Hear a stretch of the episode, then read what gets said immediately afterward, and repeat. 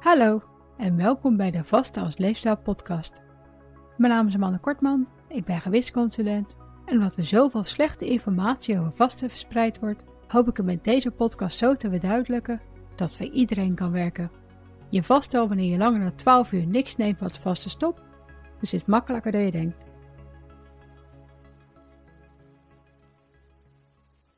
Welkom bij aflevering 7. In deze aflevering ga ik het hebben over hoe je vasten het beste vol kunt houden, zodat je niet alleen je doelen bereikt, maar er ook je leefstijl van kunt maken. Allereerst wil ik nog even benadrukken dat vasten echt geen dieet is, maar een leefstijl. Je vast om gezonder te worden en om mogelijke gezondheidsproblemen zoveel mogelijk te verminderen of in ieder geval zo ver mogelijk uit te stellen. En dat gaat verder dan alleen op een gezond gewicht komen. Hoewel dit natuurlijk wel een fijne bijwerking is en dit alleen al al veel voordelen geeft. Maar zelfs als je dat in je achterhoofd houdt, kan je in de eerste maanden dagen hebben dat vasten voelt als een heftige leefstijlverandering. Vooral zodra je de gewenningsfase tegenkomt. Maar op lange termijn kan je blij zijn dat je het hebt volgehouden door de vele gezondheidsvoordelen die het met zich mee kan brengen. Vasten kan trouwens moeiteloos gaan hoor, maar voor velen is een grote verandering. We hebben tenslotte jarenlang te horen gekregen dat het ontbijt de belangrijkste maaltijd van de dag was. En wie besteedt er niet het liefst de avond op de bank met wat te knabbelen en een alcoholisch of zoet drankje? Gelukkig weten we ondertussen dat je eerste maaltijd ook veel later op de dag kan, vooral als je gezond eet en zo toch alles binnenkrijgt wat je op dat moment nodig hebt. Je wil alleen s'avonds niet te laat eten, aangezien dat je nachtrust zal verstoren en er dan toch vaak slechte keuzes gemaakt worden. Je bent dan ook al heel ver als je het snacken na de avondmaaltijd afleert. Als je huisgenoten dit echter wel blijven doen, kan het vasten mentaal lastiger worden. Het is natuurlijk fijn als ze rekening met je houden, maar het snacken gaat vaak zo gedachteloos dat je in het begin goed in je schoenen moet staan, totdat het een gewoonte is geworden om niks te nemen. Afleiding zoeken is dan ook de belangrijkste tip die ik je wil geven. Start bijvoorbeeld een hobby, zoals puzzelen, modelbouw of breien, waarbij je je handen bezighoudt en gewoon niks kunt nemen. Je kan het ook drastischer aanpakken en dan even niet in de woonkamer komen of zelfs het huis uitgaan, zolang je er nog moeite mee hebt. Ga bijvoorbeeld opruimen of in bad, bel een naaste of ga een ommetje maken, waarbij je niet langs de plaatselijke snackbar loopt. Dat kan tenslotte ook erg verleidelijk zijn, vooral als je ervan loopt te balen dat iedereen eet en jij het pas weer tijdens je eettijd mag. Gelukkig trekt het gevoel vanzelf weg zodra je voelt hoeveel beter je je voelt als je verstandig blijft vasten. Vooral de eerste maanden wil je gewoon echt focussen op het vasten zelf en zo min mogelijk buiten jouw geplande eettijd eten, zodat het des te sneller een gezonde gewoonte wordt. Zodra je jouw doel bereikt hebt, kun je altijd nog af en toe een snackavond inplannen, als je dat tegen die tijd tenminste nog wil. De kans is namelijk groot dat jij je ook zoveel beter voelt als je het niet doet, dat je het niet eens meer wil doen. Afleiding zoeken werkt natuurlijk ook overdags, als anderen aan het eten of snacken zijn op een tijd die nog te vroeg voor je is. Als je het eten klaarmaakt voor je partner of kinderen, kan je het ook even moeilijk krijgen. En let er dan echt op dat je niet per ongeluk je vinger aflikt als er beleg of saus op komt, want dit stopt tenslotte het vasten en daar kan je flink last van krijgen. In aflevering 2 bespreek ik dit natuurlijk uitgebreid, maar dit komt kort gezegd doordat je lichaam zich dan gelijk gaat voorbereiden op een maaltijd die niet komt. Hierdoor kan je flinke honger krijgen en je zelfs flauw gaan voelen. Blijft het lastig, bereid dan de maaltijd met een mondkapje op totdat je de gewoonte verleerd bent. Voedselgeuren kunnen het leven van een beginnende vaster ook moeilijk maken en desnoods een knijper op je neus doen of weer een mondkapje gebruiken is iets om in je achterhoofd te houden. Ik had er gelukkig maar weinig last van en aangezien ik in november startte, heb ik ook in de eerste maanden van goed vasten genoeg soepen en stoofschotels gemaakt tijdens mijn vasttijd. Ik heb echter genoeg verhalen gehoord waarbij eten klaarmaken en koken maandenlang behoorlijk lastig was. Ook dit wordt gelukkig vanzelf makkelijker, dus houd vol. Naast afleiding zoeken op moeilijke momenten zijn er nog een aantal dingen die kunnen helpen. Gebruik bijvoorbeeld een vast-app zoals Live, Fastic of Zero, of zet een timer op je telefoon, zodat je mentaal ook helemaal ingesteld staat op vasten. Je start de vast-app of timer zodra je start met vasten en je stopt hem weer zodra je stopt met vasten. Alleen je eettijd bijhouden kan natuurlijk ook werken en het kleine ritueel van het fysiek starten of stoppen van je vast of eettijd helpt veelal om er makkelijker een gewoonte van te maken. Daarna kan je altijd nog kijken of je het blijft gebruiken en ik vind de data wel leuk, dus ik gebruik sinds eind mei weer een vast app. Ben je niet zo van de apps of timers? Iedere dag met jezelf afspreken tot hoe laat je wil vasten en eten kan ook al voldoende zijn. En een standaard dagschema aanhouden is natuurlijk helemaal populair. Denk maar aan alleen eten tussen 12 uur middags en 8 uur s avonds als je het 16-8 volgt. Ik volg natuurlijk het 18-6 en eet voornamelijk tussen 1 uur middags en 7 uur s avonds, hoewel dit afhankelijk van mijn agenda natuurlijk wat kan schuiven. Het belangrijkste is dat je iedere dag je van tevoren afgesproken uren echt probeert te halen, want alleen zo kan je er een gewoonte van maken en uiteindelijk je moeiteloze leefstijl. Niet genoeg drinken is iets wat het vasten kan bemoeilijken, doordat dorst en honger bijna hetzelfde kunnen voelen. Drink daarom zo'n 2 liter per dag en let op de kleur van je urine.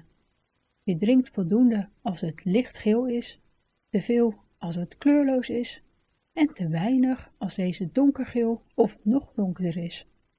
Vooral de eerste weken kan je trouwens extra vocht nodig hebben, zodat je lichaam nog moet wennen aan het vasten en dat te veel vocht loslaat tijdens het vasten.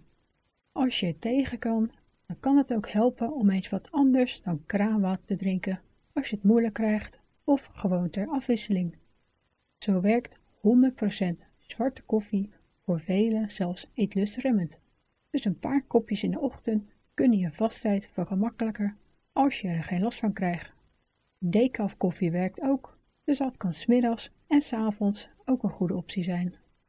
Het advies voor koffie is maximaal 5 kopjes per dag, dus overdrijven liever niet mee.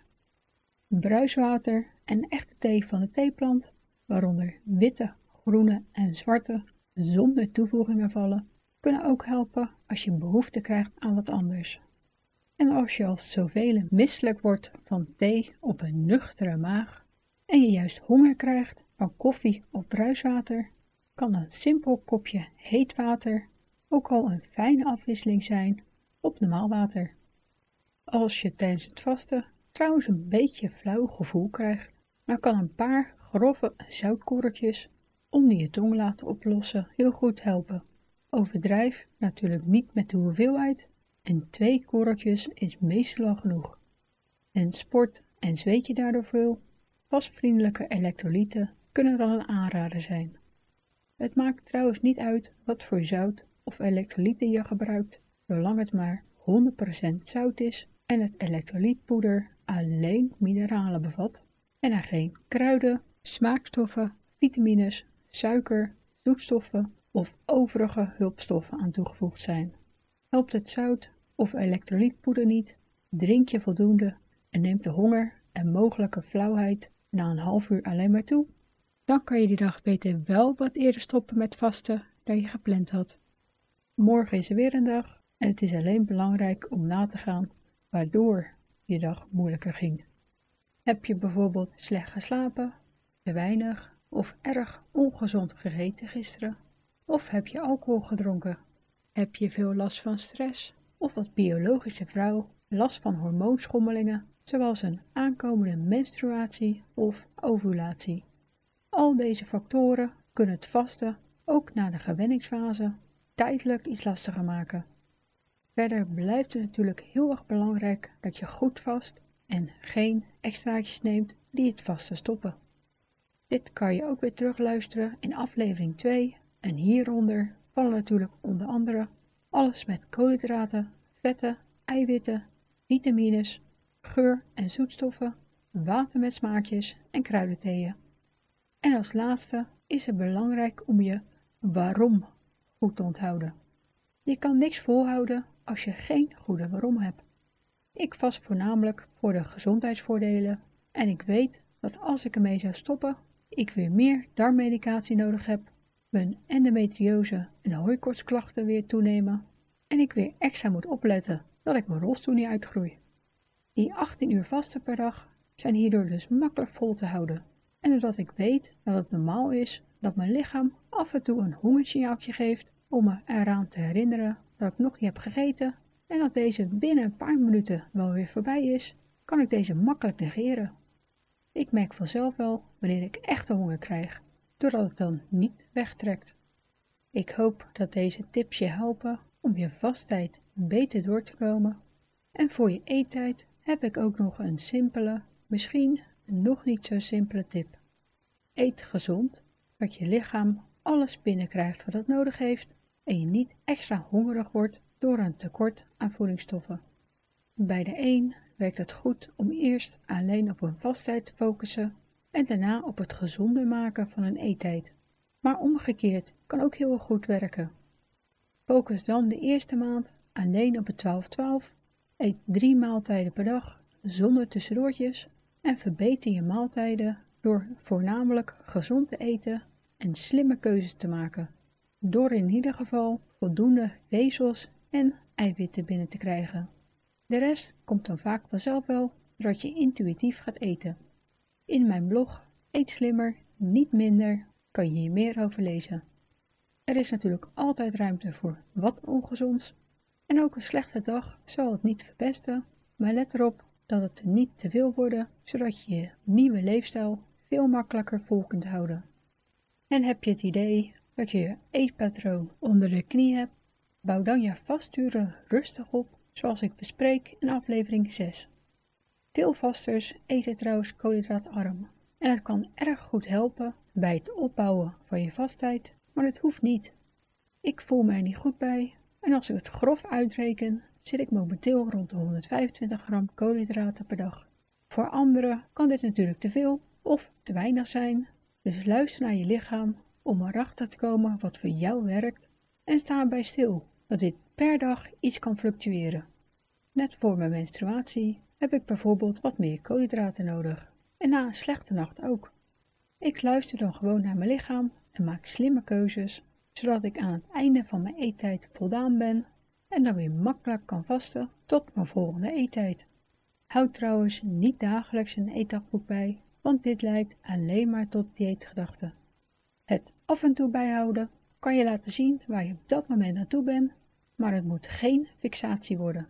Luister naar je lichaam en controleer bijvoorbeeld alleen af en toe of je gevoel ook klopt, zoals mij uit nieuwsgierigheid, of als je merkt dat je moeite hebt met het behalen van jouw doel. Dit zijn de belangrijkste tips en in aflevering 8 ga ik het hebben over hoe en wanneer je je medicatie en supplementen het beste kunt nemen. Die kunnen het vasten namelijk ook bemoeilijken. Ik heb dit kort in aflevering 2 besproken, maar ik krijg er nu al vragen over. Heb jij nog vragen? Dan kan je me altijd bereiken via valorie.nl.